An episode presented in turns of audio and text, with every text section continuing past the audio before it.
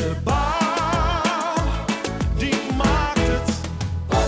Welkom, leuk dat je luistert. Dit is aflevering 28 van de Bouwmarkt, het podcast. Mijn naam is Iman de Vries en in deze aflevering gaan we het hebben over bouwlogistiek. Want we gaan steeds meer binnenstedelijk bouwen en die binnensteden gaan vanaf 2025 op slot voor vervuilend logistiek verkeer. En daarnaast zit de overheid ook in op een volledig circulaire bouweconomie in 2050. Grote bouwconcerns zoals Volker Wessels en Heijmans zijn al volop bezig met het opnieuw inrichten van hun logistiek. En dat doen ze onder andere door het oprichten van bouwhubs. Maar voor kleine bedrijven is het door bijvoorbeeld eh, gebrek aan vermogen nog lastig om een eigen hub te beginnen. En wat kunnen zij nou doen en hoe kunnen zij zich nou voorbereiden op die nieuwe ontwikkelingen in de bouwlogistiek? Daar gaan we het over hebben in deze aflevering. En dat doe ik niet alleen, want bij mij aan tafel zit Ralf Odiber, manager Business Development bij Heijmans, Jan Robert Albrechts, coördinator goederenvervoer bij de gemeente Rotterdam en Arjan Wallinga, beleidsadviseur Bouwen Nederland. Heren, welkom. Dank je. Alright. Nou, dat was een hele lange intro, moet ik eerlijk zeggen. Met, eh, met wat moeilijke woorden. Circulaire bouweconomie. Ik, eh, ik, ik heb wel eens gehaperd, maar eh, dat eh, was toch even een lang woord. Maar laten we even simpel beginnen voor mij. Want wat is nou een bouwhub? Ja,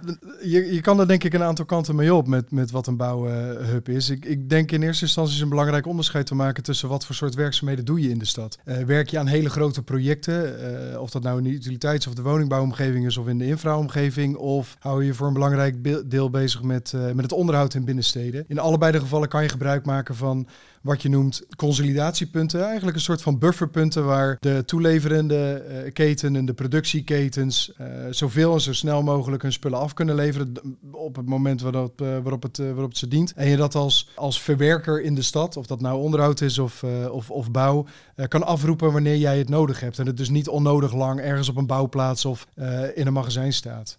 Ah, Oké, dus moet ik dat dan voor me zien zoals supermarkten dat doen? eh, dat je, je hebt de grote magazijnen waar alles staat. En dan heb je kleinere magazijnen op regionaal gebied en zo verder vertakt. Ja. Eh, dat het zo min mogelijk bewegingen zijn. Wat Ja, ik denk dat dat de meest, hoe zeg je het, de meest, meest, meest, meest tot de verbeelding sprekende uitleg eh, is, ja.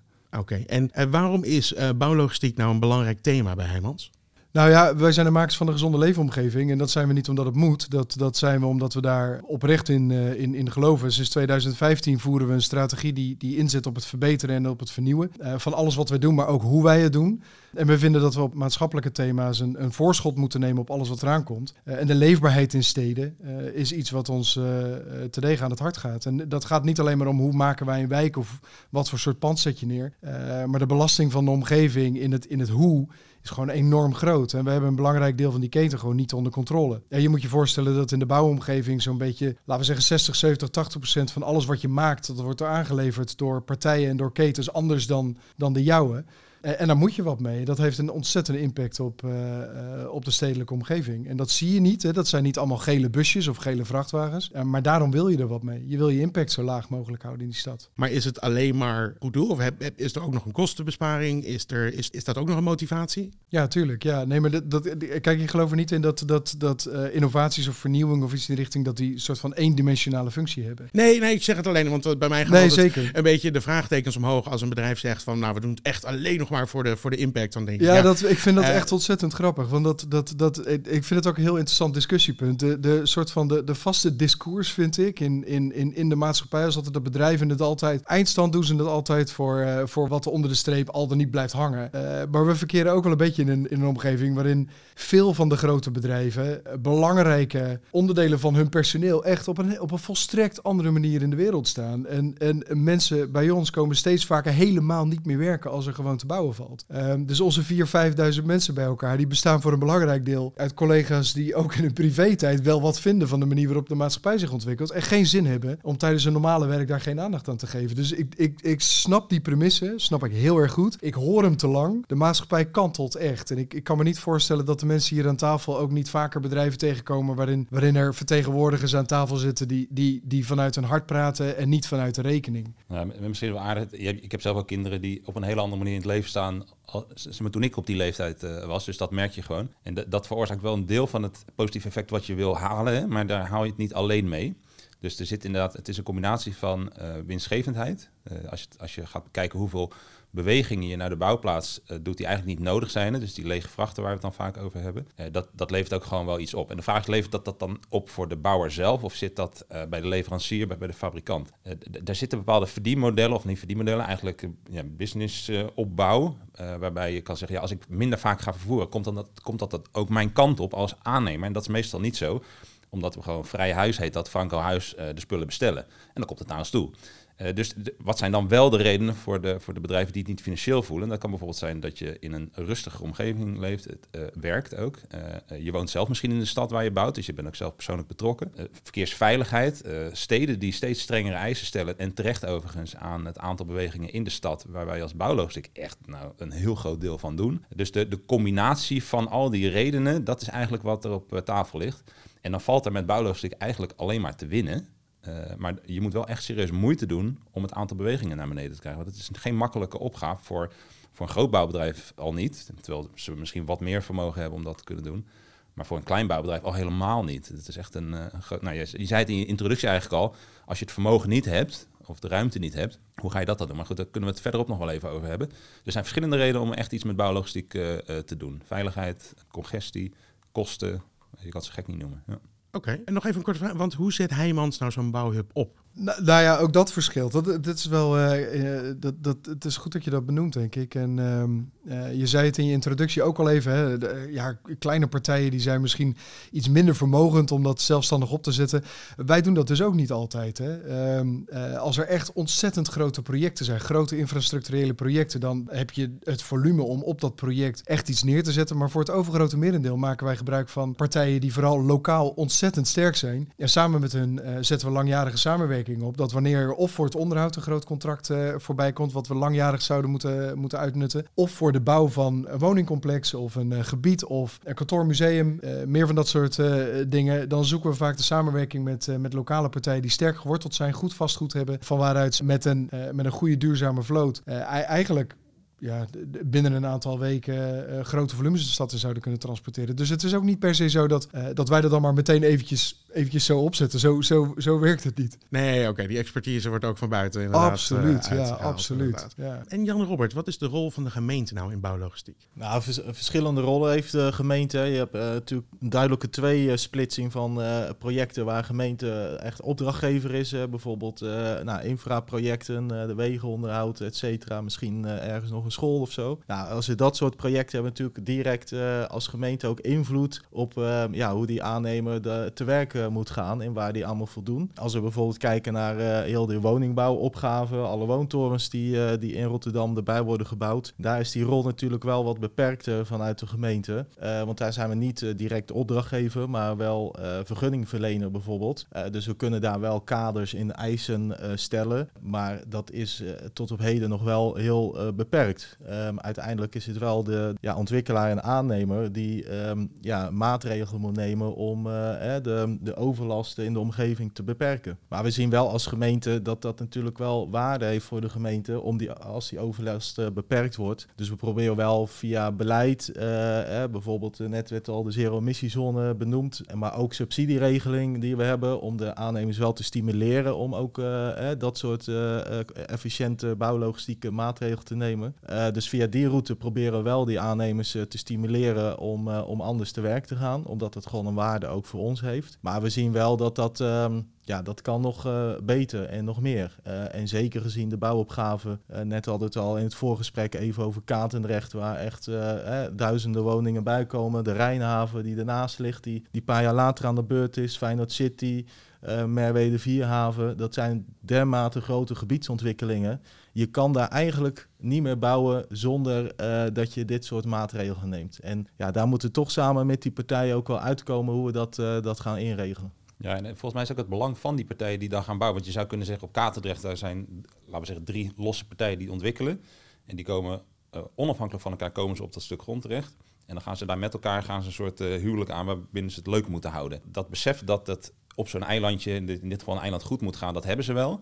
Maar als het er echt, echt op aankomt, hè, er moet gewoon geproduceerd worden en de, de, de, dus de klant vraagt om oplevering, wat gebeurt er dan? En dat, dat aan het begin alvast regelen, dat, dat vind ik echt een rol van, van de stad. Ook al ben je niet per definitie direct de opdrachtgever. En, en zoeken naar mogelijkheden om dat te doen. Dat betekent dus dat je gewoon ritten moet gaan controleren en dat je nou, afspraken moet gaan maken van hoeveel, hoeveel verkeer vinden wij nou reëel in Katendrecht in deze en deze periode? Dan kom je er met alleen goede intenties, hè, van ja, we gaan het eh, wat minder vaak doen. Of eh, heel mooi, de, de subsidieregeling helpt voor een heel stuk, maar alleen met goede intenties kom je daar helaas niet.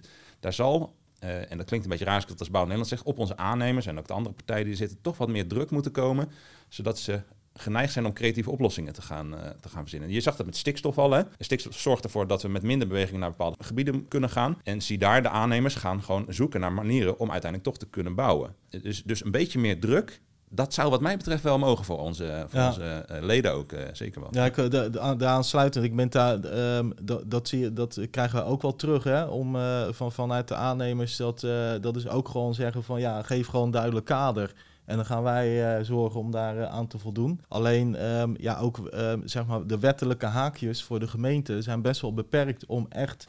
Hè, bijvoorbeeld, je zei net ehm, het aantal ritten bijvoorbeeld. Eh, ja, wij kunnen nu niet juridisch zeggen van je mag maximaal dat aantal ritten rijden en anders dan moet de bouwplaats dicht of zo. Dus dat nu proberen we ook bijvoorbeeld op Katendrecht dat op een andere manier te organiseren door een samenwerkingsovereenkomst tussen die verschillende ontwikkelaars die daar aan de slag zijn. En we hebben daar wel een wat ehm, ja, urgentere eh, ehm, ja, eh, haakje om, om dingen te gaan eh, eisen, omdat daar gewoon de bereikbaarheid en de verkeersveiligheid komt zo in het geding op, de, eh, op Katendrecht, omdat je daar simpelweg, je hebt daar één toegangsweg en daar worden duizenden woningen gebouwd.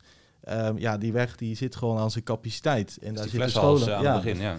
en, en, en, en dat geeft ons wel de ruimte om wat strenger eh, eisen te stellen. Maar in andere gebieden waar, waar die urgentie minder eh, groot is misschien... eh, ja, er ontbreken ook nog wel eh, zeg maar, wettelijke kaders voor de gemeente om die eisen te stellen. Dus Maar, ja, ik, vind, ik vind het wel op zich echt positief dat dus de aannemerij, die we dus relatief klassiek vaak zien, hè, dat die zelf zeggen van eh, beperk ons maar een beetje, maak het maar duidelijk, dan gaan wij daarnaar bewegen. Dat is wel die, die kentering die we aan het begin ook zeiden, te zien bij nieuwe mensen. En ook onze nieuwe medewerkers die we dan eh, binnen de bedrijven binnenkrijgen. Da- daar is echt wel wat aan de hand. Eh, dus ja, misschien dat we ook nog wat instrumentarium erbij zouden moeten verzinnen als gemeentes. Dat jullie wat meer, eh, eh, nou, op die manier dus ook wat meer sturend zouden kunnen zijn. En dat zou voor zo'n gebiedsontwikkeling best wel goed Ja. zijn. En, en als ik er al voor, dan is er ook gewoon een intrinsieke motivatie vanuit het bedrijf. Jij zegt er zijn wettelijke kaders, maar die zijn niet toereikend. Ik bedoel, je hebt altijd nog eh, de wortel en de stok. Is er dan niet iets met een, eh, een wortel die je nog kan geven om dit... Nou, ik ben het hier roerend mee eens. Ik wil nog wel een stap verder gaan. En dat is, en dat, dat zeg ik dan nu even vanuit het perspectief van, eh, van, van mijn organisatie. Wij lopen kop op dit vlak. En dat doen we al een aantal jaren. Eh, dus in het ontwikkelen van nieuwe logistieke concepten, of dat nou in de bouw of in de onderhoud is, daar zetten we ontzettend veel innovatiekracht en ontwikkelkracht op. Wat wij nodig hebben, en eh, jullie kunnen je dat voorstellen, dat geldt voor elke organisatie, die innovatiekracht is schaars. Je zoekt altijd naar momenten waarop je goede ideeën, goede ideeën die fijn zijn geslepen, dat je die in de praktijk kan toepassen eh, onder de beste omstandigheden, maar ze ook nog kan eh, verder kan opschalen, kan verbeteren, kan doorontwikkelen enzovoort. Waar wij enorm naar zoeken zijn niet alleen maar eh, daar waar er eisen en waar er wet en regelgeving wordt, eh, wordt gesteld. Waar wij voortdurend naar zoeken ehm, zijn hele ambitieuze doelstellingen, al zijn het er maar een paar, op een paar projecten waarop wij dat wat wij al kunnen als koploper verder kwijt kunnen verder in de praktijk kunnen brengen, verder kunnen opschalen en kunnen doorontwikkelen tot het volgende model, het volgende en het volgende model. Dus ik durf ten opzichte van, van wat jullie zeggen, ik ben het daar roerend mee eens, absoluut. Ik denk ook dat dat belangrijk is om, hè, zoals je dat noemt, het peloton eh, in de markt mee te krijgen. Maar er zijn koplopers, ik ken ze bij naam, jullie kennen ze waarschijnlijk ook bij naam, die, die, die hopen ehm, en zoeken eh, en selecteren ook hun, eh, hun aanbestedingen heel scherp op, wordt er iets extra's gevraagd en kan ik dat extra's in goede samenwerking met deze opdrachtgever kwijt en kan ik dat ook van waarde voorzien op een of andere manier. Dus, dus wij zoeken ook wel echt naar aanbestedingen, naar opgaves die één stap verder gaan. En nou eh, zeg je Jan Robert, de- de- volstrekt terecht. Wet en regelgeving, ja, dat, dat is allemaal lastig, maar we kennen natuurlijk ook sinds een jaar of tien het, het innovatieinstrumentarium van, van, van Piano, waarin in mijn beleving ontzettend veel ruimte zit om samen met elkaar op een hele veilige manier dingen te ontwikkelen. Waarde die daaruit voortkomt toe te kennen daar waar die hoort, zonder dat we meteen eh, allerlei wet en regelgeving eh, geweld aan doen. En ik vind eigenlijk oprecht dat dat door de, de publieke omgeving te weinig gebruikt wordt, terwijl we er echt ontzettend eh, graag mee ehm, eh, van start zouden willen met dat type samenwerkingen. Ja, goed. Het, de, zeker bij de, zeg maar, waar de gemeente alleen een rol heeft als, eh, als eh, vergunningverlener, om het zo maar te zeggen, ehm, eh, zijn die, is dat toch nog wel beperkt, hè, die instrumenten die de gemeente heeft. Maar als voorbeeld toch om Katendrecht te noemen, daar hebben dus... ehm, ja, wel de handen in één geslagen. Omdat iedereen daar ook zag van ja, het, dat gaat niet lukken als we niet in passen, nee.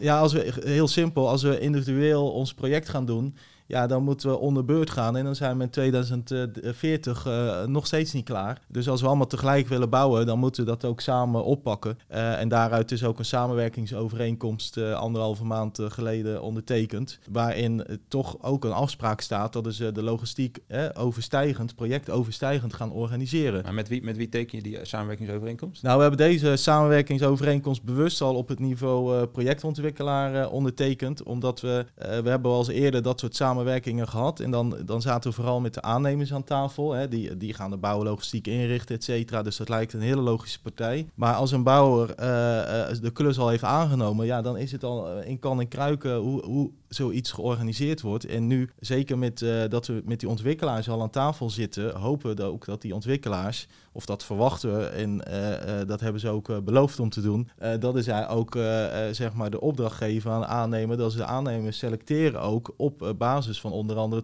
logistieke plan wat ze aanbieden. Hè, zodat ze ook kunnen voldoen aan eh, nou ja, al die omgevings. eh, Maar ga, ga, je dan, ga je dan ook aan de poort zitten, checken hoe vaak ze naar binnen komen? En, eh, want dat is toch wel een dingetje. Je kan het heel Ja. mooi afgeven. En we kennen de voorbeelden uit de kan- aannemerij. Dat ze de beste plannen en uiteindelijk, eh, als je dan in de werkelijkheid gaat checken... en je had er Ja. zelf in de voorbereiding ook wel een gesprek over... ja, is dat dan... ja, dan blijkt het opeens een hele andere werkelijkheid te zijn. Ja, dus, dus daar moet ook wel iets van controle Nou ja, kijk, zitten. kijk eh, ehm, wij kunnen ehm, als gemeente dus eh, niet ehm, heel hard gaan controleren van... hè, kijk, het is openbare weg, dus we kunnen niet zeggen van... Pietje mag niet en Jantje wel...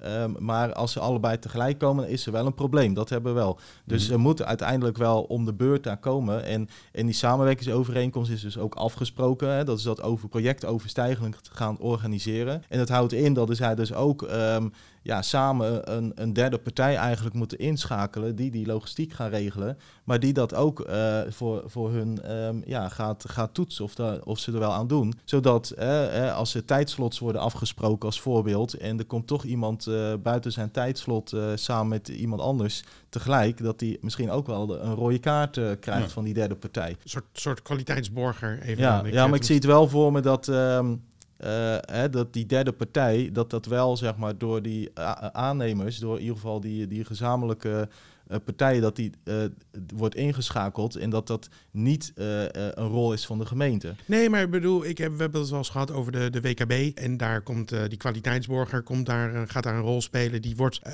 voor zover ik dat goed heb onthouden, wordt die betaald door, door eh, de aannemer zelf. Ja, En die wordt ingeschakeld om die rol te vervullen. En de gemeente heeft daarna alleen nog maar een controlerende rol op die, of die data daadwerkelijk eh, klopt. ja. Ja, je, je zou de, de bewijslast kunnen omkeren. Maar je kijkt dan even heel bewust naar Ralf ook. Van of, of, of die dat dan nog prettig vindt als aannemer. Maar laten we het maar een beetje schuren, dat is prima. Dus je kan ook zeggen van, joh, Katendrecht heeft eh, duizend bewegingen per dag is, is toelaatbaar voor wat de omgeving kan hebben. Want we kijken vaak, hoe kan je... Misschien moet je wel concluderen, er wordt te veel gebouwd op Katendrecht voor de, voor de omgeving. Maar goed, stel, die, die drie partijen die gaan daar nou eenmaal bouwen. En dan, dan is wat we vanuit het volume per dag zouden moeten doen, is duizend bewegingen. Dan moet je met z'n drieën dus maxim, maximaliseren.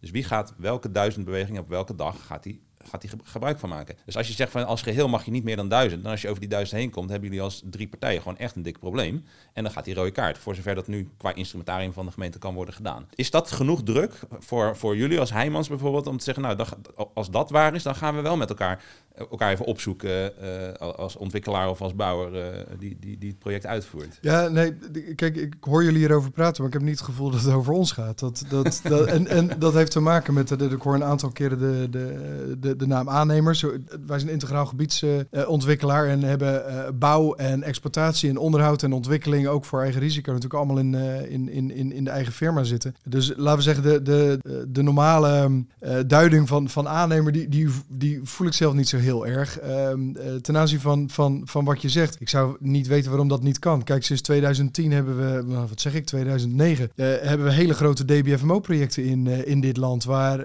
waar de hoogste straf, de hoogste boetemechanismes draaien op het moment dat je je data verkloot. Dus ik zou niet weten, we zijn nu 13 jaar verder, 14 jaar verder dan dat moment. Alle verificatiesystemen, alle systemengerichte contractbeheersing, de kwaliteitsborging zoals jij hem roept, en de integriteit van data bij integrale contractanten, ja, dat is in, in mijn beleving is dat de allerhoogste graal. Dus, dus ten aanzien van die controlemechanismes en al dat soort dingen, ik denk dat er heel veel gangbare contractuele mechanismes zijn, maar ook heel veel gangbare eh, contractmanagementsystemen aan allebei de kanten van de tafel, die we in de afgelopen 12, 13, 14 jaar buitengewoon scherp hebben gemaakt eh, met elkaar in veel verschillende soorten contracten hebben toegepast, waarbij de integriteit van data de allerhoogste zou moeten zijn. Dus Ja, nee, ik ben, ik, ik ben ik, dat- ik ik ben- schrik hier niet van. eh. Nee, maar de- ik denk dat de, de instrumenten die zijn bij, bij, bij die BFMO-contracten voor de luisteraar, Design, Build, Finance en Maintain. Ja, dat zijn de meest, meest geïntegreerde contracten die je maar kan Ja. verzinnen. ja.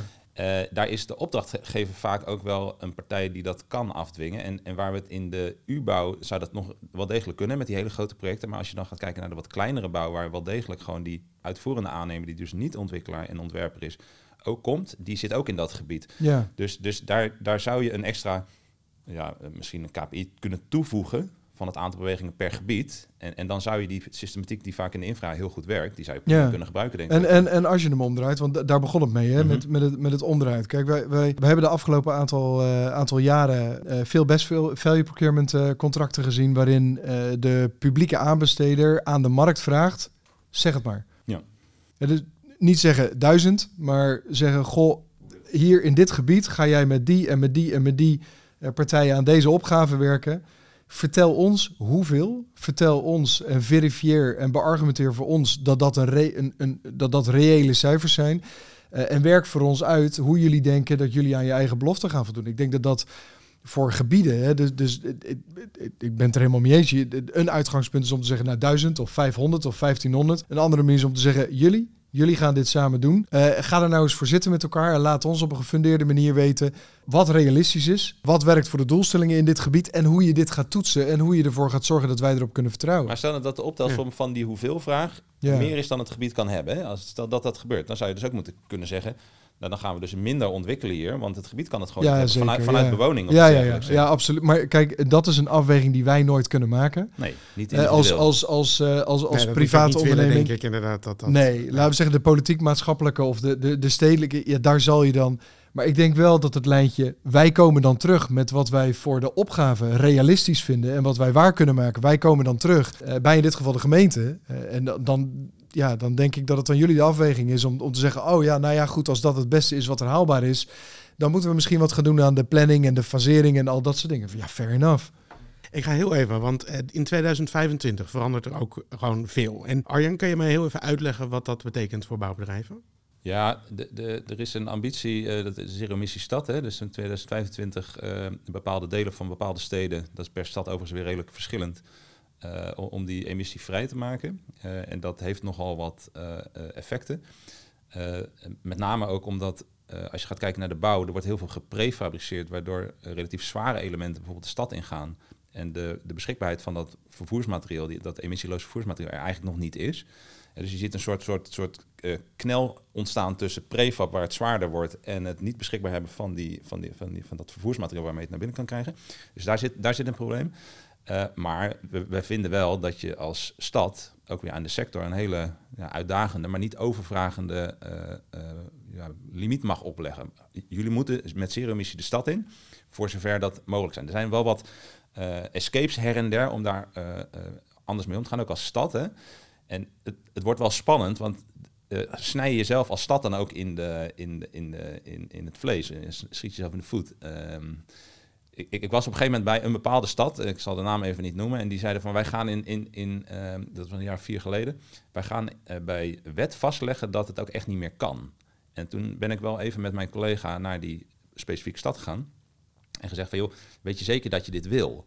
Dat je het bij wet vastlegt, want dan zet je jezelf vast. Ja, maar hoezo niet dan? Het is toch hartstikke goed dat we dat vastleggen? Ik zei, ja, maar stel nou dat wij meer gaan prefabriceren, dus we gaan zwaardere elementen vervoeren en die ontwikkeling zet zich de komende, dat was dus zeven jaar voor 25, zet zich voort. Eh, dan zet je jezelf dus ook klem als stad en wordt er dus minder gebouwd in jouw stad. En dat, dat begreep de persoon in kwestie niet helemaal. Dat was iemand van mobiliteit die zegt van ja, maar het is toch goed om die mobiliteit, de mensen te dwingen. Ik zei ja, ik snap het wel, maar wat mijn aannemers of, of bouwondernemingen, eh, Ralf, eh, gaan doen, of ontwikkelende bouwers gaan doen, die zeggen joh, dan ga ik gewoon niet meer in stad X bouwen. Ik zei het bijna. Eh, eh, die gaan gewoon in Wanningsveen bouwen. Een stad die daar vlak naast ligt. En dan zeg ik verder niks. Eh, dus het was, dat was echt een hele interessante, interessante exercitie. En, en, en daar kwam eigenlijk naar voren dat, dat je ook binnen je stad als mobiliteitsbeweging en je economische zaken, dus van, van de, de, de, de wethouder economische zaken wil gewoon bouwen en de stad leefbaar houden, vanuit leefbaarheidsperspectief, mobiliteit, leefbaarheid eh, en bouwzaken, met elkaar moet gaan zitten en zeggen van nou, als we deze stad nou willen ontwikkelen, dus we willen bouwen voor jonge mensen. Ik heb zelf drie jongens thuis, die, eh, die, die, die hebben allemaal nog geen woning. Eh, eentje woont anti-kraak, dus er is wel degelijk iets aan de hand. En we willen in die stad echt bouwen voor jonge mensen. Dat betekent dus dat we die stad wat zwaarder gaan belasten. En dat we ons even aan de voorkant niet gaan limiteren bij wetgeving. Maar wel een uitdagende, maar weer niet overvragende eh, vraag gaan stellen. En dat, die balans zeg maar zoeken. En dan als je dan over zes hebt, dus Emissie Stad 2025, dan is de vraag, is Emissie Stad uitdagend genoeg en niet overvragend? En ik vind hem voor de, voor de, voor de, voor de lichtere eh, werkzaamheden en het lichtere transport vind ik hem uitdagend genoeg. Voor het zwaardere gedeelte, waar het prefabricering, vind ik hem, eh, vind ik hem te zwaar. En zullen we ook per stad echt op uitzonderingen uit gaan komen? Of we kunnen niet meer geprefabriceerd bouwen in dat soort steden. Dat is, er komen heel veel gedachten op als je deze vraag stelt, maar dit zijn wel even de, de grenzen Ja, precies. waarbinnen Ja, het nu, eh, en- waarbinnen het nu en- speelt. Ik kijk wil dan ook wel, eh, even reageren, Ik wou ook even naar jou doorkijken, Ja, want ja. het is over twee jaar. Nou ja, kijk, ik wil het wel iets eh, nuanceren. De- het, die, die in 2025 die gaat er komen. Hè? Dat, is, dat is wetgeving. Ja, dat is eh, ook goed, hè? ja, zeker. Eh, dus, eh, dus dat staat al in de wet dat die er gaat komen. Zeker. En daar gaat ook gehandhaafd eh, worden. Hè? Dus je krijgt ook een boete als je daar niet aan eh, voldoet. Dus dat is wel echt eh, strikt. Ehm, het is wel zo dat we natuurlijk eh, met al die andere steden die dat ook gaan doen, een overgangsregeling hebben afgesproken tot 2030. Dus als we het hebben echt over het eh, wat zwaardere transport, eh, de vrachtauto's, eh, die mogen nog tot 2030 eh, naar binnen. Althans, als ze Euro 6 motoren hebben. Maar heel veel hebben dat al, omdat we al een milieuzone hebben in, in Rotterdam. Die, die ook Euro, ja. ja, Ja, Euro ja. 6. Jij mag naar binnen. Ja, ja, ja, ja je, bent- je bent denk ik niet met de vrachtauto hier. Ehm, maar in ieder geval, ehm, eh, dus, dus dat is al een, een nuance. Dus die, die, die hebben nog wel wat, eh, wat jaartjes. Ehm, ook voor de bestelauto's, de schoonste bestelauto's mogen nog tot 2028 eh, naar binnen. En die overgangsregeling die is ook echt wel bedacht vanuit dat perspectief, wat jij ook schetste van...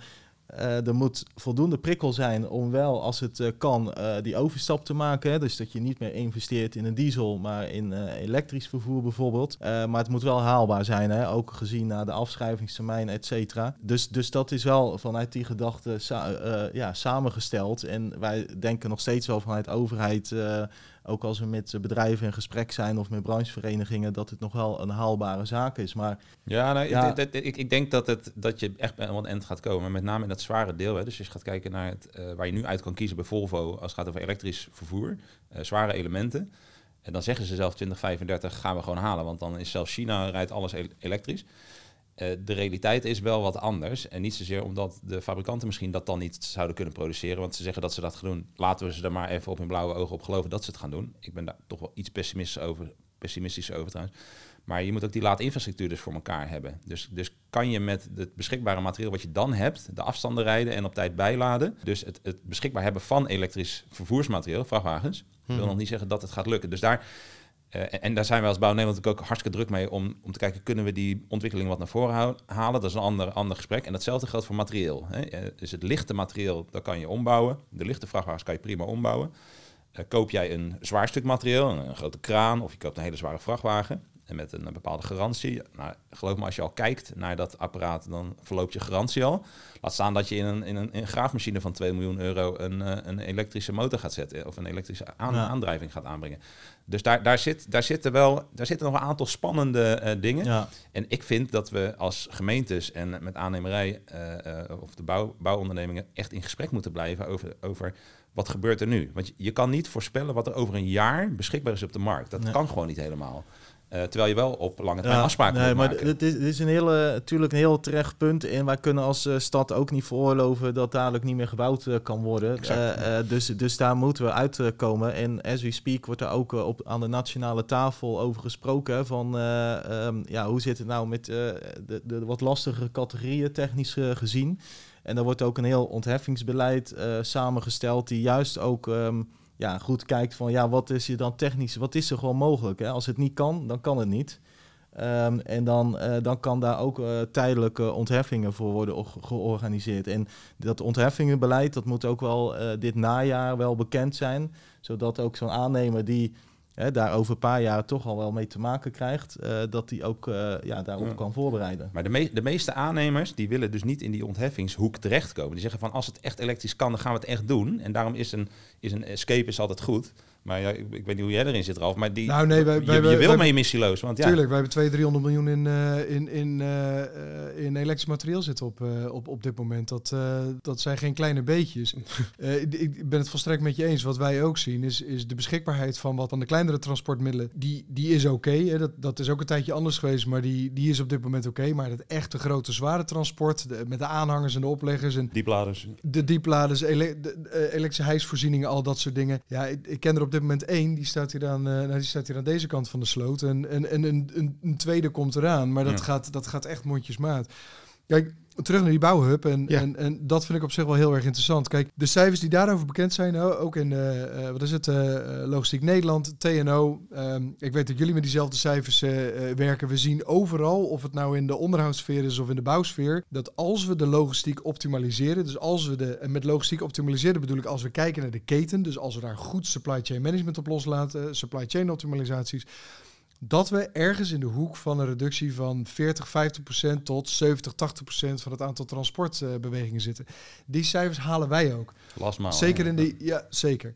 Eh, in die onderhoudsomgeving, hè, waar wij op dit moment heel veel logistieke concepten draaien. Dat doen we hier in Rotterdam, in Den Haag, in Leeuwarden, in Amsterdam. We zijn bezig om op Schiphol het een en ander op poten te zetten. In Eindhoven en in, eh, in Utrecht. Eh, in Leiden zijn we vorige week live gegaan met nieuwe logistieke concepten. Overal waar wij daarmee starten, reduceren we ei- eigenlijk zeker na die aanlooptijd, eigenlijk binnen een week, twee weken, 70 tot 80 procent van het aantal transportbewegingen van alle toeleveranciers. Tientallen procenten. Ja, absoluut. Ja, dat gaat echt heel snel. Neem mee, als wij aan het werk gaan in de stad voor een aantal miljoenen aan onderhoud, in dit geval, ehm, dan nemen we toch wel heel snel 150 tot 200 subcontractors en toeleveranciers mee. Nou, voor die subcontractors, hè, dat is een slag apart, daar moeten we nog veel meer voor regelen. Maar zeker ten aanzien van die toeleveringen, 80% reductie, zijn we echt heel snel. Dat laatste wat overblijft, met die kleine transportmiddelen, hè, met die, die, die middelgrote transportmiddelen zoals we dat nu eh, eh, bespreken, ehm, die voeren we 100% emissievrij uit. Dus datgene wat er overblijft is, is, is eigenlijk, ehm, ja, dat, dat, dat sorteert voor op alles wat we de komende 6, 7, 8 jaar aan wet en regelgeving op ons af eh, eh, willen laten. En ik denk dat niet per se de hubs, maar de hub als een onderdeel van een andere manier van kijken. Ik zag in de TNO-rapporten, denk ik heel terecht, daar werd in twee scenario's werd het, werd het, werd, het idee van omdenken, hè, de hele keten omdenken. Ik denk dat daar, in combinatie met al dan niet meer of mindere beschikbaarheid van, eh, van die grotere transportmiddelen, maar het omdenken van die keten, niet alleen zelf, maar wat doe je op de bouwplaats? Hoeveel materieel heb je daar nou eigenlijk nodig als je de bezettingsgraad opkrikt? Hoe kunnen we optimaal eh, laten produceren? Dus hoe kunnen al die grote fabrikanten niet met 8, 9 tot 10 of 20 batches, omdat we dat op een bouwplaats niet kwijt kunnen, maar produceer zoals jij denkt dat je moet produceren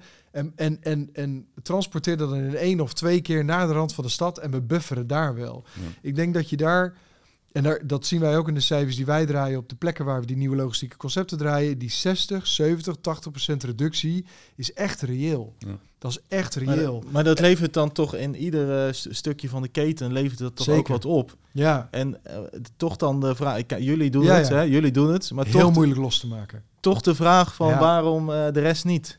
Het is heel moeilijk los, eh, los eh, eh, te maken. Dat een soort van dat recupereren van die transportkosten. Arjan die zei het al eventjes. Al- Als wij morgen een offerte vragen aan elke producent, groothandel of, of wat dan ook. En zeggen, goh joh, we zitten met de logistiek een, beetje in de maag. Zou je ons kunnen helpen op dat project? Hebben we twee dagen later hebben we een offerte. Als we aan diezelfde partijen vragen, we denken dat we de logistiek anders gaan regelen. Zou je dat deel van de kosten of zou je dat deel van de effort of de...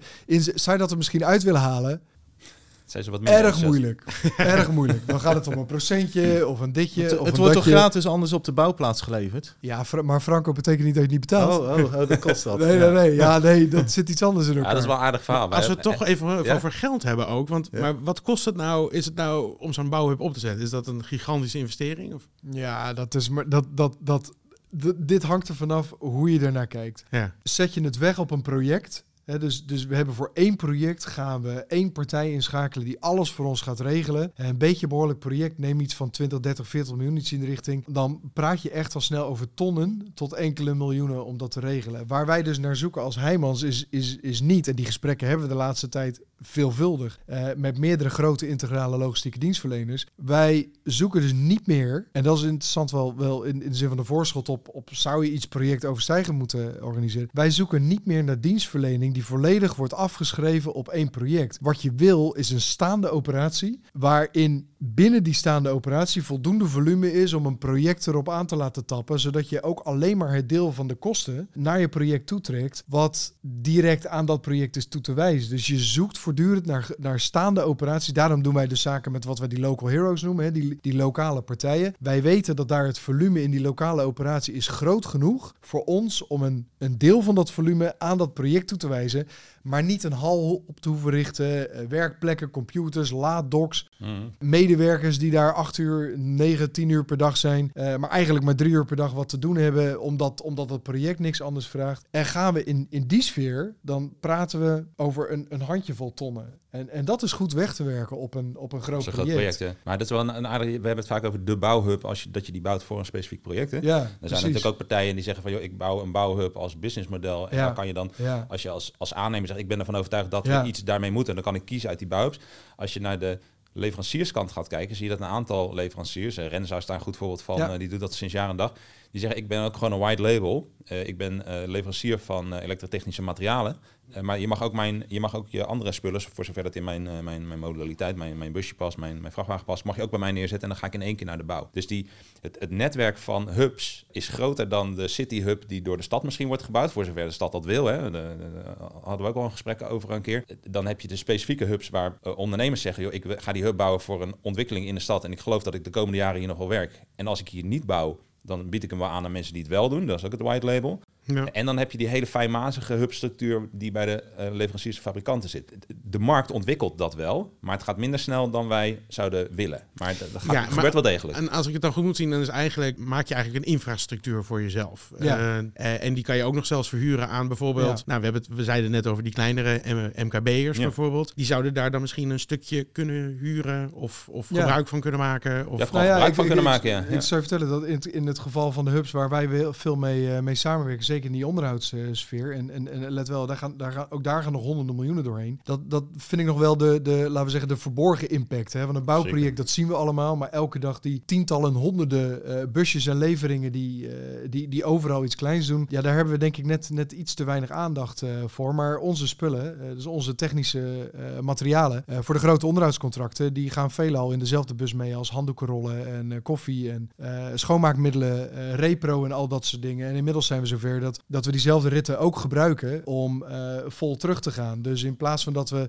de grote afvalverwerkers van dit land vragen om met grote vrachtwagens eh, eh, hier en daar kleine containertjes op te halen, geven we het afval eigenlijk mee aan die, eh, aan, aan die, aan die wat kleinere transporteurs, kleinere vervoersmiddelen. We scheiden en we verdelen op de hublocaties. En daar geven we het vervolgens weer terug aan Renza en aan grote afvalverwerkers. Ja. Dus de, de- ik, ik, ik denk dat dat wel een beetje de manier is waarop we daarnaar zouden, zouden, zouden moeten kijken. Iets wat echt niet alleen maar bedrijfsgebonden is. Die, die, die stappen worden nu al wel genomen. Ja, nou, dat klinkt wel heel erg goed. Ja, en ik, ik heb daar nog, mag daar nog een Ja, vraag. eh, want ehm, dat is al heel mooi, hè, met die verschillende bedrijven samenwerken. Zouden jullie ook eh, bereid zijn, eh, stel nou dat er een heel groot bouwproject eh, in de buurt ook eh, plaatsvindt, hè, dat die daar dan eh, van een collega dat die dan gebruik maakt van jullie eh, hub? Want ik vind, Ja, ja. ja. ik vind namelijk heel goed hè, dat jullie eh, dat niet per, eh, per project dan, eh, dan afschrijven, zeg maar, maar dat je echt in een eh, eh, soort permanent eh, hub of voorziening eh, investeert. Maar als jouw project dadelijk eh, klaar is, dan, eh, dan wil je natuurlijk wel dat die, dat die hub eh, misschien wel overeind blijft. Hè? Dus dat er dan con-collega's dat dan, dat, daar gebruik van maken. Want daar zijn we ook al op zoek naar in, in de stad Rotterdam. Want wij zitten ook niet te wachten op alleen maar van die tijdelijke hubs per project. Want dan, natuurlijk, dat is voor het project dan misschien wel een efficiëntieslag. Nou ja, eigenlijk precies wat je net uitlegde. Eh, maar als je het project overstijgend doet, dan kan je natuurlijk nog een veel grotere eh, slag eh, maken. ja. En zeker die, die ondernemers die, die zelf niet voldoende Ja. massa hebben om zo'n zo'n voorziening Ja. op te tuigen. Ik denk ten aanzien van de hubs, hè, dus, dus voor dat deel in die ketenoptimalisaties, ik benoem dat nog maar even omdat het wat mij betreft een fragment is, daar onlosmakelijk onderdeel, maar een fragment. voor de hub zijn er drie smaken. Of je doet zaken met een, een derde partij die lokaal buitengewoon goed gepositioneerd is in zijn, in zijn vastgoedpositie. Eh, dus in zijn hubfaciliteiten en in zijn vloot. Hè, dus een toekomstbestendige vloot. Of je doet zaken met een eh, collega, met een concurrent. Wij hebben de Volker Wessels eh, bouwhub ook al een aantal keren weten te vinden voor, voor projecten die, die zich daar buitengewoon goed voor, voor leenden. Of je gaat het zelf doen. En in dat laatste geval zoek je naar een omgeving waarin je in eerste instantie voor jezelf een, een dealflow hebt die een aantal jaren meegaat. Dus we gaan, kunnen van dit project naar dat project naar dat project. Eh, en dan denk ik ook dat de samenwerking met veel partijen. Kijk, wij, wij stappen met regelmaat in eh, vennootschappen met, eh, met, met collega's. Het lijkt mij toch heel sterk als we elkaar dan in de uitvoering van de logistieke dienstverlening niet weten te vinden. Ik bedoel, juridische documenten die, die, die verschillen niet zo heel erg van elkaar op dat vlak. Dus ik denk dat dat de drie smaken zijn. En ik denk dat in geen geval, en dat is waar, waar wij wel, waar ik het net eventjes over had, dat hele idee van, oh joh, ik heb een project en ik heb daar een eis en, en, en dan, dan ga ik speciaal voor dit project. Kijk, als het groot genoeg is, daar gelaten. Maar speciaal voor dit project van alles en nog wat optuigen eh, om het daarna weer helemaal af te tuigen. Ja, dat, dat, dat zie ik niet, dat, lijkt me niet de beste oplossing. Nou, iemand, jij vroeg net even naar die kleine eh, bouwers. Hè? Die, Ja. Ik, ik, eh, dat is misschien een beetje een rare vergelijking. Hè? Stel- Stel dat ik eh, vandaag de dag een, eh, een taarten, online taartenwebshop zou willen beginnen. Dan eh, zou, dat wil ik overigens niet, maar dan zou die gedachte eh, postvatten bij mij. Omdat ik weet dat ik in mijn logistiek gebruik kan maken van een aantal clubs. eh, zoals de DL pakketjes. eh, en, en ik dus binnen een dag die, die taart vers in Groningen kan krijgen. En, en dan is een beetje de vraag, wie is voor de kleinere bouwer die gewoon eh, eh, niet vergunningsplichtig werk bijvoorbeeld doet, waar je het als overheid dus ook niet in de gaten kan houden, of gewoon de kleinere aanbouwtjes doet. Wie is nou die leverancier die die taart, lees de, de, de houten balkjes en de, en de stopcontactjes, de wandcontactdozen, sorry, eh, daar naartoe kan brengen. En daar, daar zie je wel wat in veranderen. Eh, dat gaat nog veel te langzaam. Het moet eigenlijk volstrekt logisch zijn voor elke leverancier of voor elke aannemer om het via een hubje daar neer te leggen. En waarom zou die kleine aannemer dat doen? Nou, hij hoeft zijn mensen niet meer 's ochtends langs de, de bouwmarkt eh, te laten gaan, waar ze, hun, waar ze hun busje vol gooien met spullen. Ja. Want als hij zijn bus vol heeft met spullen, gaat hij met zijn bus de stad in. Daar liggen zijn, eh, zijn, zijn, zijn materieel ligt er ook in, dus eh, zijn gereedschap. Dus als je goederenvervoer van spullen die je verwerkt in het gebouw, plus het materieel en de mens even los zou kunnen schakelen. En er is een aanbieder die dat gewoon veel goedkoper, veel sneller kan.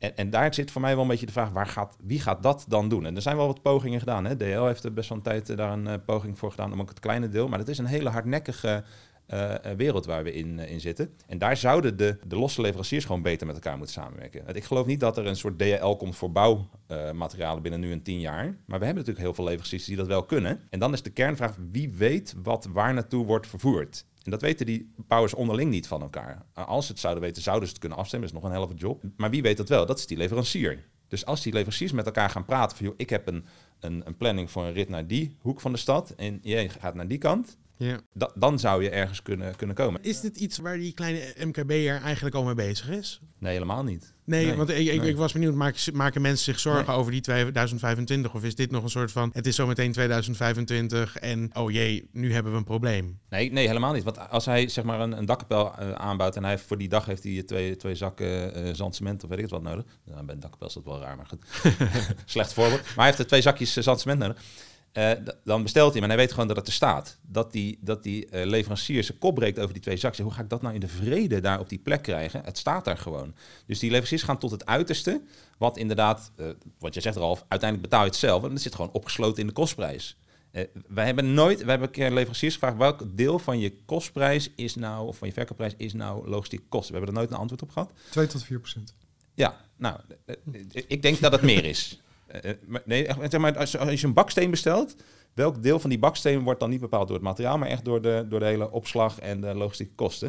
En dan zeggen sommige mensen 25% wel. Dus als jij, maar, als jij dus Ja, zeker met spoedleveringen en die Exact. kleine leveringen. Dat, eh, dat, ja, je kan niet voor een bakje spijkers eh, zo'n rit, eh, dat is, eh, Nee, dan moet die spijker wel heel duur worden. Maar, Maar- je hebt maar- wel maar- die spijker op dat moment nodig. exact. En die aannemer, die boeit het niet. Die denkt van ja, ik bestel gewoon die spijker. En eh, als ik hem één keer bestel, kost hij een cent. En als ik hem twee keer bestel, kost hij nog steeds een cent. En als ik hem drie keer ga bestellen, kost hij nog steeds een cent. Dus ik ga ook niet neigen om te gaan poelen. Ik ga niet, niet, niet zendingen samenvoegen. Dus daar, daar zit iets in het verdienmodel eh, Ja. wat niet helemaal lekker gaat. En overigens zie je dat in de asfalt anders. Hè? Eh, asfalt en cement, daar heb je losse eh, componenten in de, in de prijs van asfalt. Dat is namelijk het vervoer en het asfalt zelf. En daar zie je wel dat bedrijven die dat dan op de locatie moeten krijgen... gaan kijken, hey, kan ik dat slim combineren met een ander project? Dus daar zie je dat, dat, dat die prijs wel, die beprijzing wel degelijk een effect heeft. Er zijn eh, wel degelijk wel eh, al logistiek dienstverleners die, die dit aanbieden hoor. Waar, waar je net het over had. Hè. Bijvoorbeeld, ehm, ik weet dat bijvoorbeeld de Zalmhaventoren, die natuurlijk recent is opgeleverd, die had dus voor de spoedleveringen samenwerking eh, met fietscouriers of met, eh, met Cycloon. Ehm, dus dat is sowieso al eh, emissievrij en, en te veel kleine voertuigen door die stad. Dus als gemeente zijn we daar dan ook blij mee. Ehm, er zijn ook andere logistieke partijen die al van dit soort wat kleinere materialen dan bij de bouwplaats kunnen brengen die dat aanbieden. En er zijn ook ze- zeker ook voor die kleinere ehm, ja, ondernemer die, eh, of eh, eh, bouwvakken die naar de bouwplaats moeten, ook al concepten dat je je je bus aan de rand van de stad kan parkeren en dat je daar een deelvoertuig, dus bijvoorbeeld een eh, elektrische scooter of een uh, Biro, dat is zo'n klein eh, elektrisch wagentje, dat je die daar dan kan oppakken en dat je dan naar de klus toe kan. Ideaal als je bijvoorbeeld ik moet tien wel keer de zeggen, stad als ik zijn. dit hoor, dan, dan klinkt dat nog wel een beetje toekomstmuziek. Want ik heb altijd het idee dat die kleine MKB'er het liefste bus gewoon soms wel gewoon dubbel geparkeerd Ja. voor het huis Maar dat- zet maar waar die, dat- waar die maar moet dat- zijn ongeveer. Ja, maar dat kan dus echt niet meer. Ook, Nee. ook in Rotterdam. Kijk, in Rotterdam hebben we natuurlijk allemaal het beeld van ja, eh, eh, de auto's hebben daar alle ruimte. Maar ook in Rotterdam is die mobiliteitstransitie wel degelijk gaande. En gaat er meer ruimte komen voor de fietser en de voetganger. En minder voor die, eh, die bestelauto. Dus die bestelauto, eh, dat, dat gaat echt niet meer lukken om die voor de klus, voor de deur eh, te parkeren. Eh, en los daarvan, al lukt je het, dan gaat de parkeertarieven zijn wel degelijk der, dermate hoog Ja. dat je het eerste uur al voor niks werkt. Ja, oké, eh, toch een beetje die druk. eh, Ehm, en voelen, dus, dus dit soort concepten, eh, zeker als je maar af en toe in de stad hoeft te zijn, eh, denk ik echt wel dat dat een oplossing kan zijn voor veel ondernemers. Ja. Ja. ja, ik, ik, ik ken een partij hier in Rotterdam, dat een collega van ons. eh, en ik vind dat echt fantastisch. Ik liep toevallig twee dagen geleden s'avonds de bioscoop uit. Er was een storing. Eh, en, en ik zag hun, eh, ik dacht dat het een carver was of iets in de richting. Zag ik eh, pontificaal voor de deur staan. Hè, met eh, eh, stads, stadsoplossingen, laat ik het even zo noemen. Eh, en over dat omdenken. Ik, ja, ik vind dat fantastisch concept. In, in, plaats van dat zij vastgoed huren voor zichzelf en hun medewerkers ergens eh, buiten op het industrieterrein voor weinig geld, huren ze voor wat meer vierkante meters midden in de stad een kleine uitvalslocatie. Hè. Daar zitten ze, daar houden ze kantoor. En daaromheen hebben ze heel veel eh, licht elektrische eh, voertuigen met een klein beetje voorraad, waarmee ze de hele dag door de, door de, nou ik zal niet zeggen door de stad scheuren, hè, maar, maar netjes door de stad rijden. Eh, en voortdurend overal te plaatsen zijn, weinig last hebben van, eh, van, eh, van het parkeren, niet van de, van de boetes, niet van de parkeervergunningen. Ja, ik denk, ja, ik vind dat een. we gaan volgende week weer koffie drinken, want we houden elkaar. Wij hebben grootschalige concepten, zij hebben wat kleinere concepten.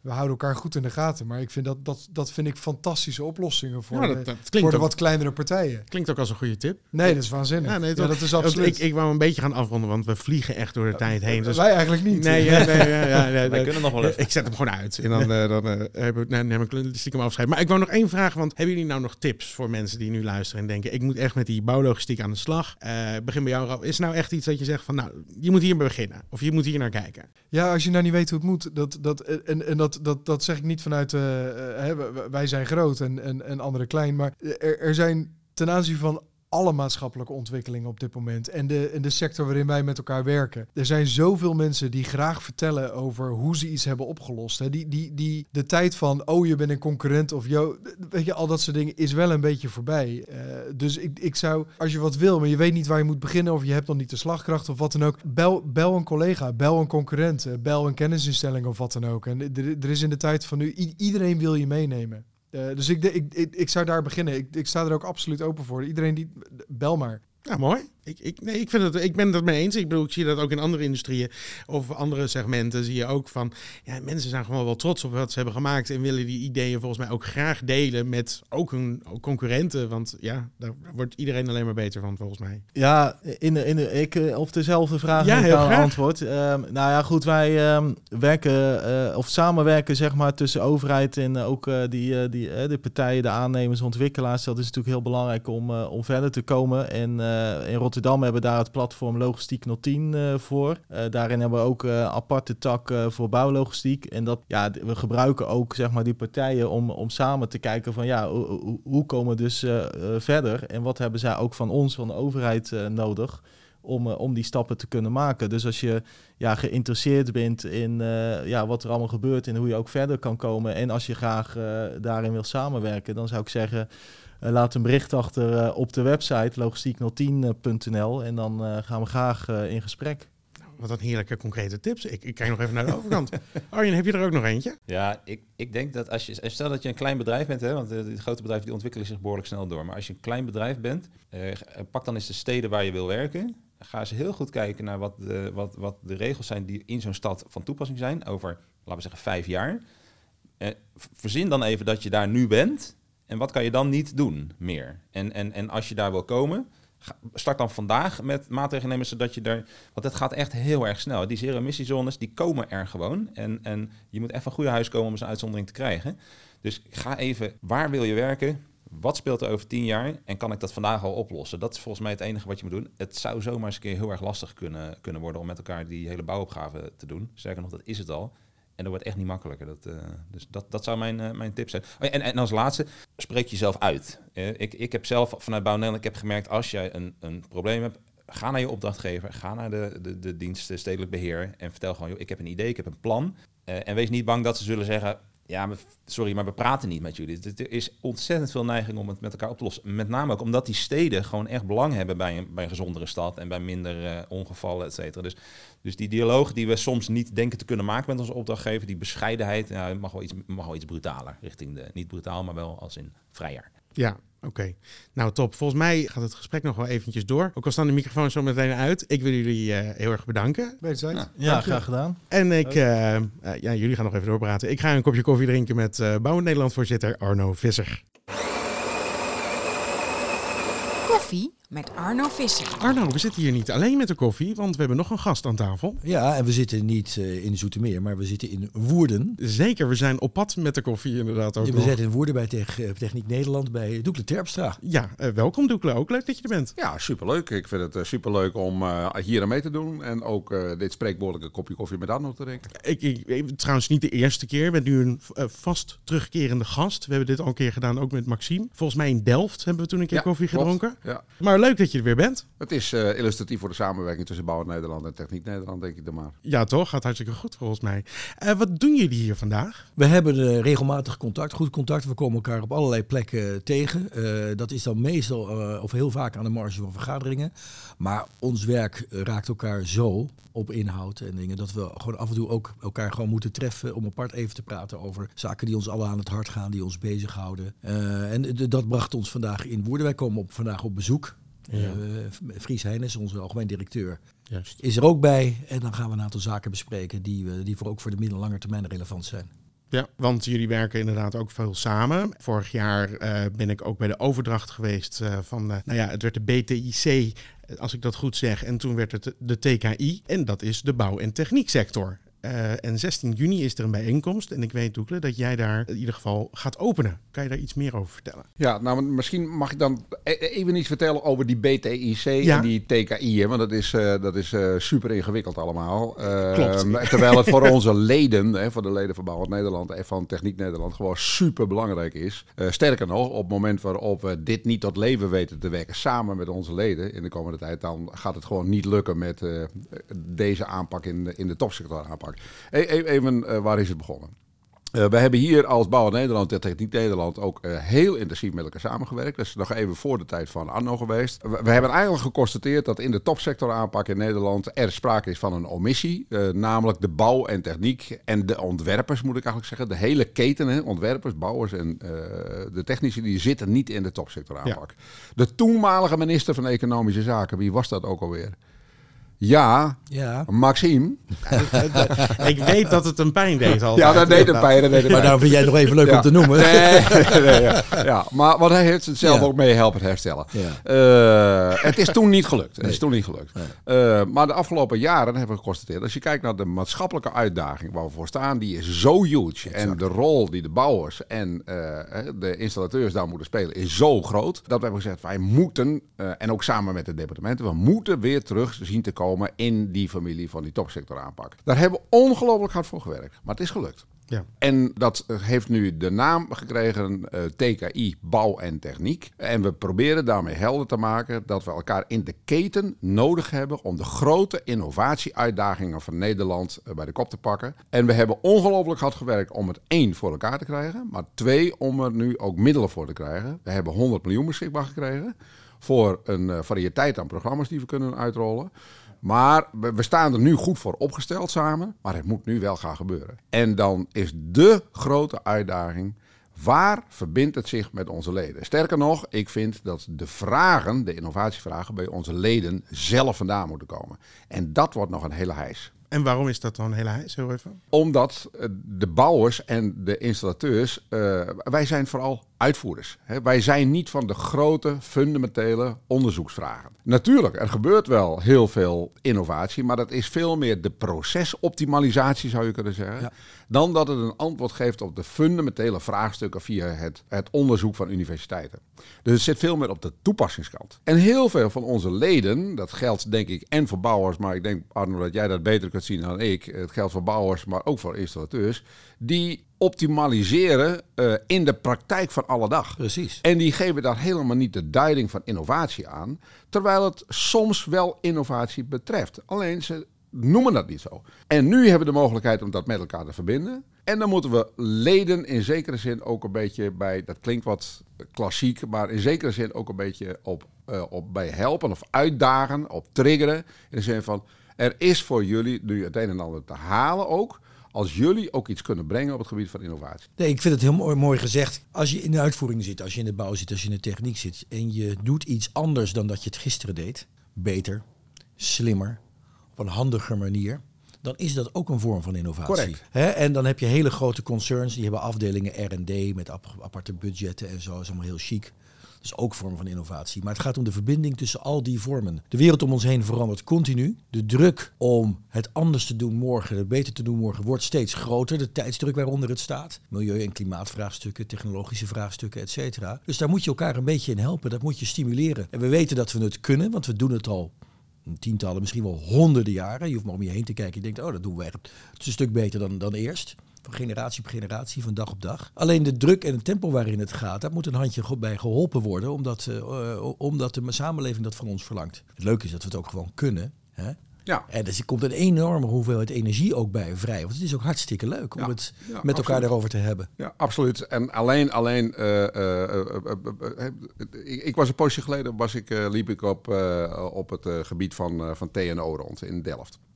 Kom ik in een prachtig gebouw en er wordt gewoon alles eh, onderzocht op het gebied van klimaatbeheersing en noem ze maar op. Nou, dat is een van de thema's hè, in, in de gebouwde omgeving. Ja. En toen sprak ik met die eh, persoon en ik zei van, goh, doen jullie dat nou alleen zelf of doe je dat ook in samenwerking met, eh, met, met bedrijven? Ja, dat zijn allemaal bedrijven, in dit geval installateurs die erbij betrokken waren. En die zijn op zoek naar antwoorden op hoe kun je die processen optimaliseren. Dus er wordt volop geïnnoveerd en ze betalen het ook nog zelf. Alleen als je dan die leden daarop bevraagt en dan zeggen van... Goh, heb je nou het gevoel dat je ook met innovatie bezig bent? Nou, dan zeg je nee.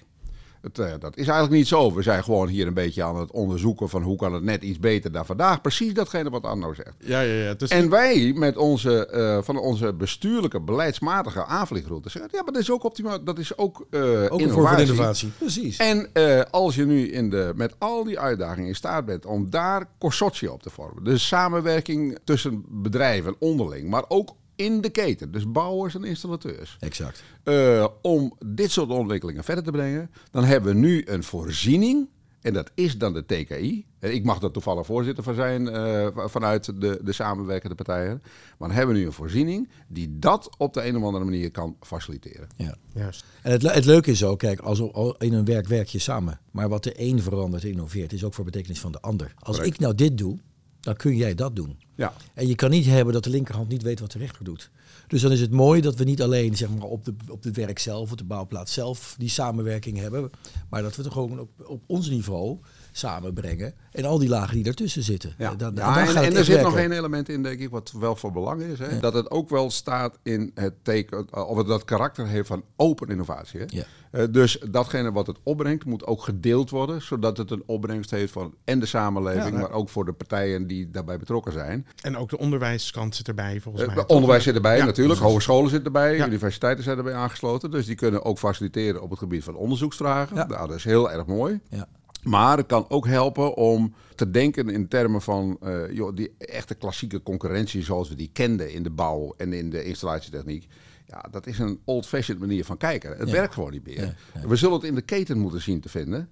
En ik ben er dus ook van overtuigd dat die samenwerking die we hier eh, in potentie hebben, dat die ook de samenwerking tussen Bouw Nederland en Techniek Nederland gaat versterken de komende jaren. Dat gaat onvermijdelijk gebeuren. Mooi. Eh, en als we het nou even in het kort moeten zeggen, want 16 juni is die bijeenkomst. Eh, waarom moeten mensen zich daar, eh, waarom moeten ze daar naartoe komen? Nou ja, ik, ik zou denken van alle bedrijven die geïnteresseerd zijn in het idee van hoe kunnen we door met elkaar samen te werken in de keten processen optimaliseren, versnellen eh, en hoe kunnen we gebruik maken van ook eh, van zo'n TKI, hè, bouw en techniek. Hoe kunnen we dat nou, eh, hebben we daar belangstelling en nieuwsgierigheid voor? Komen. En je kunt ook geholpen worden door de mensen die wij inmiddels in dienst hebben bij de TKI.